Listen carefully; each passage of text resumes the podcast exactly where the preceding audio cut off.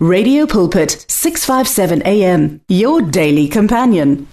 Greetings once again in the wonderful name of our Lord and Savior King Jesus. We thank the presence of the Holy Spirit in our midst. And we also greet all the listeners the radio pulpit ngegama lika Jesu. Our scripture reading it's in Psalms 25 verse 4. Ifundeka kanje. Show me thy ways, O Lord, teach me your paths. Show me thy ways, O Lord, teach me your paths. Silibonge izwi likaNkuluNkulu ekseni. Manje there are two requests uDavide azenzayo kuNkulunkulu in this verse of scripture. Number 1 is for God to show him his paths. Number 2 is for God to teach him his ways. I guess this is what we need to ask pre- presently esikhathini sethu siphila esikhathini esifana nalesi. For when we talk about the path of God, we talk about the path of righteousness. La uJeremiah chapter 6 verse 16 e- elithi um uNkulunkulu ebizela abantu ethi stand at the crossroads and look ask for the ancient paths ask where good is and walk in it and you'll find rest for your soul. Now when a person is standing on a crossroad it is like standing in a place of not knowing where to turn. It is like not knowing whether you turn to the east or you turn to the north or you turn to the uh, south or the west. Manja, a crossroad is also a place of uncertainty. It is like standing in a valley of decision, not knowing which direction to take. But thank God ngoJesu Kristo who came and gave us a direction ukuthi sihamba kanjani.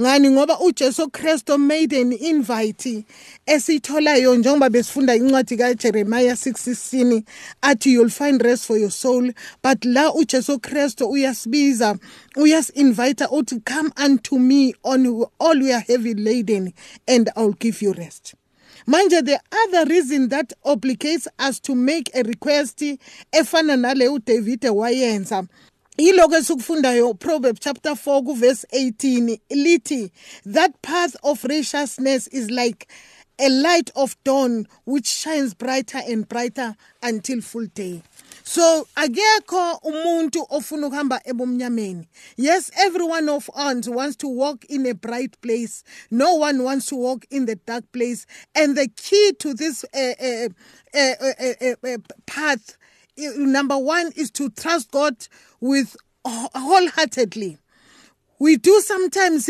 trust uNkulunkulu but sometimes uNkulunkulu asimtrust wholeheartedly. Number 2 in order for us ukuthi sihambe kuleyo ndlela is not to lean to our own understanding. Sometimes our own way siyasihindare ukuthi uNkulunkulu angakwazi ukumuva ngani ngoba sifuna ukwenza izinto ngendlela esijwayele. Kanti uNkulunkulu ngesinye isikhathi sekemuvile ufuna ukwenza ngendlela yakhe.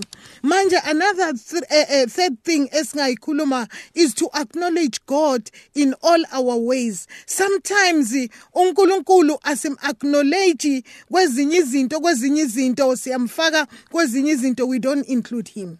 Manje ekseni kwanamhlanje uma sifunda izwi lapha kumahubo 18 verse 36 izwi likaNkuluNkulu lapho liyasibonisa ukuthi eh we don't only uNkulunkulu la not only teaches us indlela zakhe but izwi kaNkulunkulu liyasitshela ukuthi he broaden our path beneath us so that our angles do not turn. Manje we don't turn to the left we don't turn to the right just like an oxen. Izwi kaNkuluNkulu elasitshela ngalama oxen esasifunda ngawo lapha ku 2 Samuel chapter 6 verse 13 ukuthi when they carried the ark of God they never turned to the left or to the right. Manje this is a different manje there is a difference between the path and the way.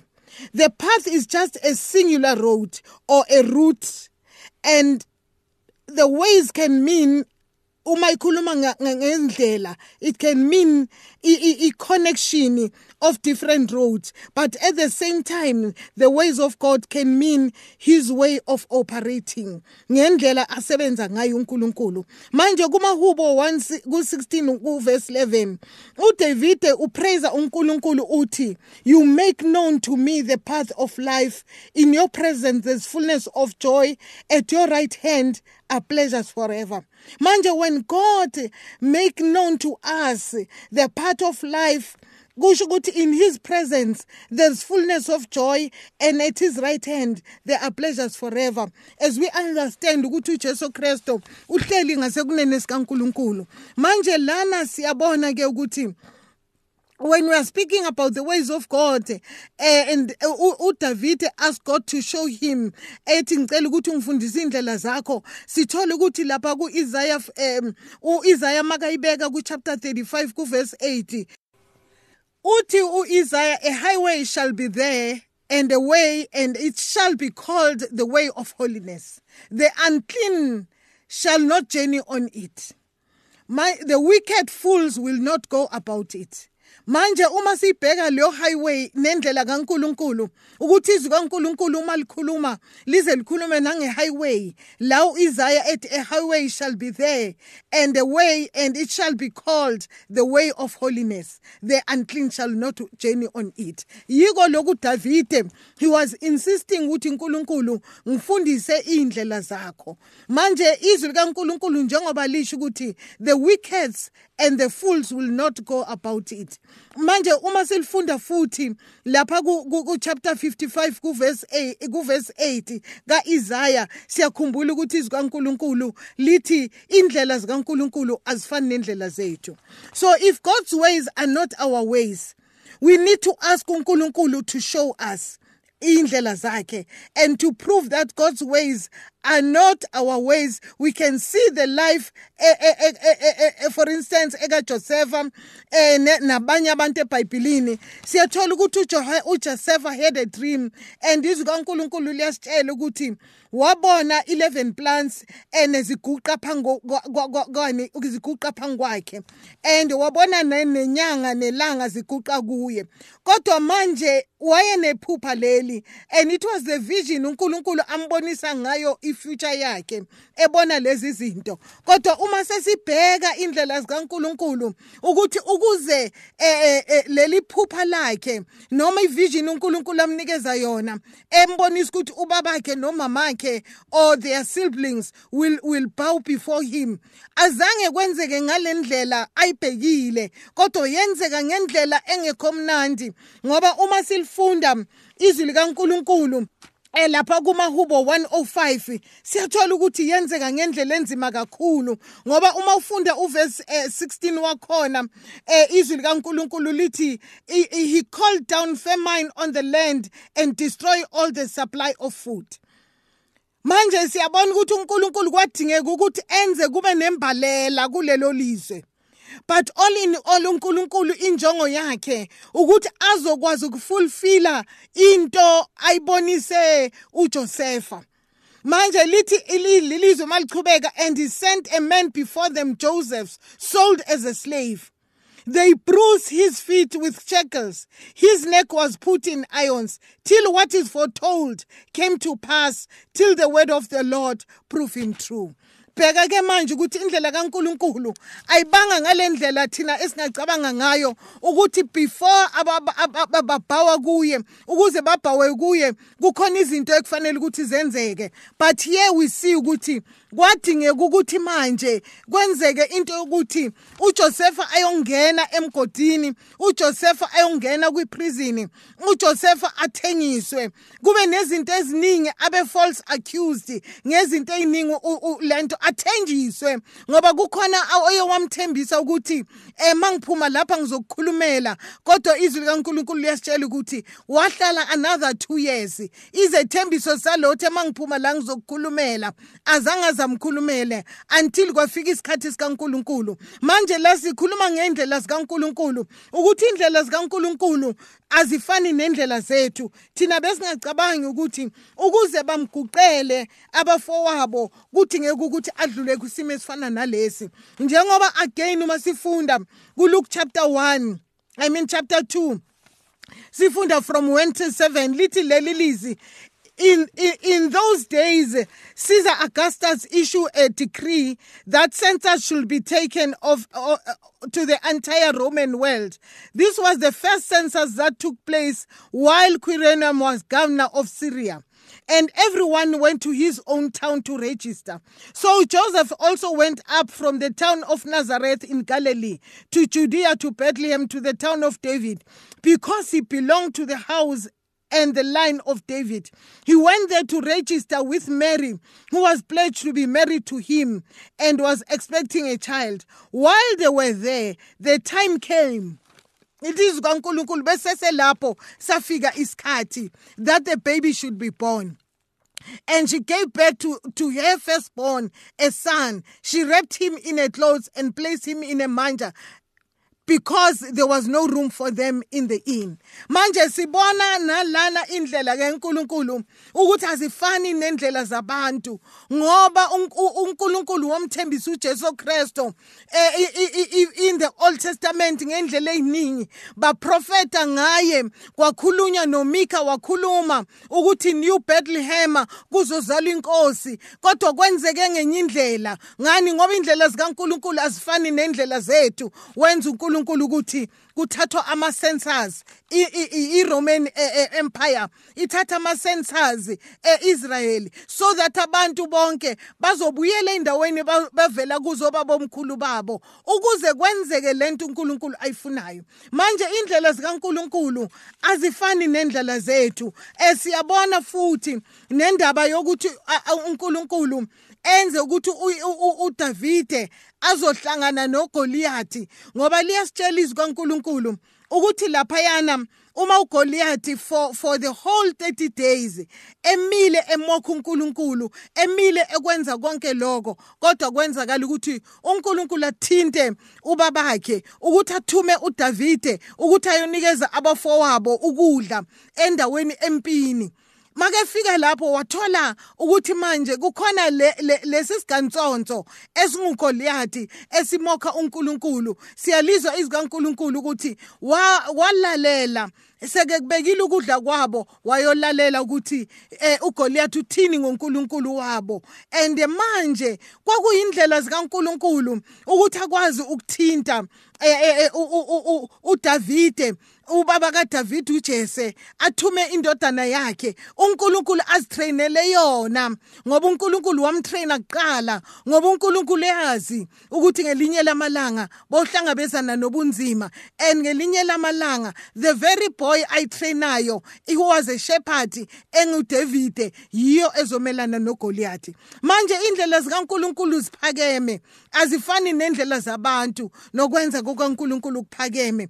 Manje esikhathini esiningi siyabona ukuthi izindlela zikaNkuluNkulu zenza ukuthi kube nobufakazi ukuthi ngempela uNkulunkulu udlulile lapho. Uyabona uma kuvela izinto ezibhlungu sometimes siyisikhale but lapho kuleso simo umuntu ahlangabezana nazo uNkulunkulu ufuna ukuveza indlela zakhe ukuthi indlela zakhe zinjani ngoba uma sowudlulile lapho yilapho abantu bazobuza ukuthi udlule kanjani la? Ngoba akudluleki la. uNkulunkulu ebefuna ukuthi kubonakale indlela zakhe. Siyakhumbula nencwadi kaJob chapter 23 kuverse 11 uthi uJob eh for I have stayed in God's ways. I have followed uthi uJob for I have stayed in God's paths. I followed his ways and not turn aside. Manje uma ethi ngihleli in God's paths and ngimile endleleni zakhe cabanga ukuthi uJob makahleli in God's path eyimile endleleni zikaNkuluNkulu wayeme ngohlobo olunjani? Ngoba kwakungekho mnandi ukuma kwakhe wafela wabantwana walinyalelwa izinto zonke but lithi izikaNkuluNkulu wema and we were mocked by his friends. All the assets awayenazo walahlekelwa yizo walahlekela abantwana walahlekelwa yisithunzi. Waba nayo yonke into esithi thina masimbheka njengabangane bakhe babebona ukuthi there's something wrong ngaye kanti bekuyindlela zikaNkuluNkulu. Manje ekuseni kwanamhlanje walking in the ways of god is not to walk in obedience to all that the lord eh, to walk in eh, walking in the ways of god is to walk in obedience to all that the lord has commanded us. And kuDeuteronomy 5 ku33 ithi uma ifunda leli lizwi ikhuluma even nangama benefits akhona ithi so that you may live and prosper and prolong your days in that land you will pro, you will possess. Manje konke indlela zikaNkuluNkulu unepurpose yazo ukuthi seke sithestile ngoba lithi zikaNkuluNkulu ifaith yethu will be tested uh, more than the gold which is tested by fire. Manje indlela zikaNkuluNkulu zokusithesta ngoba noAbraham uNkulunkulu wamthumela ukuthi ayonikela ngendodana yakhe the only son. Uthe seke kwenzile lokho eseyikhuphukile iMoria siyakhumbula ukuthi izikaNkulunkulu khona ivesi la uNkulunkulu athi now I know. Manje yini? Indlela zikaNkulunkulu. Manje sometimes uma singazazi indlela kaNkulunkulu we look at the devil many times sizobinda si rebuke kanti sometimes indlela zikaNkulunkulu ngoba uNkulunkulu ufuna ukubonisa ubukhulu bakhe ukuthi in even in this situation I am God. Manje uma sifunda futhi lapha kumahubo 1 eh iverse 1 liyasitshela izwi likaNkuluNkulu kumahubo kumahubo chapter 1 eh kuverse 1 kuverse 1 and 2 lithi leli lizwi kumahubo eh chapter 1 verse verse 1 to 2 blessed is the man who does not walk in the counsel of the wicked so uma sihamba ngendlela zikaNkuluNkulu we don't walk in the counsel of the wicked. Lize lithi or stand in the ways of sinners. Uma sihamba ngendlela kaNkuluNkulu asimi even nasendleleni zezoni. And lithi zikaNkuluNkulu we don't even sit in the seat of the mockers. Ukuhamba ngendlela kaNkuluNkulu lokho. Manje ekseni kwanamhlanje lithi leli lizwi maliqhubeka but his delight is in the law of the Lord, and on his law he meditates on it day and night. Manje indlela zikaNkuluNkulu zisenza ukuthi singahambi ngezeluleko zaba ngendawo. Indlela zikaNkuluNkulu zisenza ukuthi singahlali e, e, e, embuthweni abagxeki. Indlela zikaNkuluNkulu yazi amamokha abantu abangaboni into enhle. They will always see the wrong side of the things. But manje sikhuluma ngendlela zikaNkuluNkulu ukuthi indlela zikaNkuluNkulu azifani nendlela zethu. Manje noma sibona lapha kumahubo u25 wakhona eh uverse 8 wakhona lithi leli lizwi mahubo 25 kuverse 8 wakhona good and upright is the lord Therefore, he instructs his sinners in his way. He guides the humble in what is right and teaches them his ways. Manje siyabona izwi kaNkuluNkulu lithi good and upright is the Lord. Therefore he instruct the sinners in his way. uNkulunkulu sinikeze izwi lakhe ukuthi manje sikwazi ukufunda indlela zakhe. Usinikeze umoya oyingcwele ukuthi kube wona osiguidayo ngoba lithi leli lizwi uma lichubeka kuverse 9 he guides the humble in what is right and teaches them his way. Manje umoya oyingcwele udinga abantu abahumble. Kusho ukuthi ma humble umuntu olalelayo ngoba neRomans chapter 8 uma likhuluma lithi um those who are led by the spirit are called the sons of God. Manje we allow the holy spirit to lead us and to guide us endleleni zakhe. Sometimes indlela zakhe akusiyinto ebesibhekile akusiyinto esijabulelayo but uNkulunkulu uyazi ukuthi wayekuthatha ngalendlela njengabantwana bakaIsrayeli liyasitshela izwi kaNkulunkulu ukuthi mabephuma eGibhitha lithi azange bahambise ngaleya ndlela ejwayelekile. Wabahambisa ngendlela e, lapho ekudingeka ukuthi bayodlula olandlo lubovu. Bebengahamba bengeke badlule olandlo lubovu kodwa wabahambisa lapho ukuze uNkulunkulu abonise indlela zakhe ukuthi nobandlo lubovu uNkulunkulu uyenza ukuthi kudlulwe abantwana bakhe. uNkulunkulu in everything uzokuhambisa ngendlela ongayijwayelanga uzuthi waye ngihambise ngalendlela kanti ufuna ukubonisa ubukhulu bakhe. uDavide lapha uma sibheka kumahubo 139 kuverse 23 to 24 uthi search me god and know my heart. Test me and know my, my anxious thoughts. See if there's any offensive way in me and lead me in the way of everlasting. Uti lead me in the way of everlasting. And we know Uti the way of everlasting, it is Jesus. John 14 verse 6 iti, uthi Jesu Kristo, I am the way, the truth and the life. No one comes to the Father except through me. Silibonge izwi kaNkuluNkulu ekseni ngegama. Amen. Apostle Gwen, inamba yami it's 072 5628 850. Amen. The words of the Lord are words of life. Your heart is on 657 AM. 657 AM. Radio for believers in action.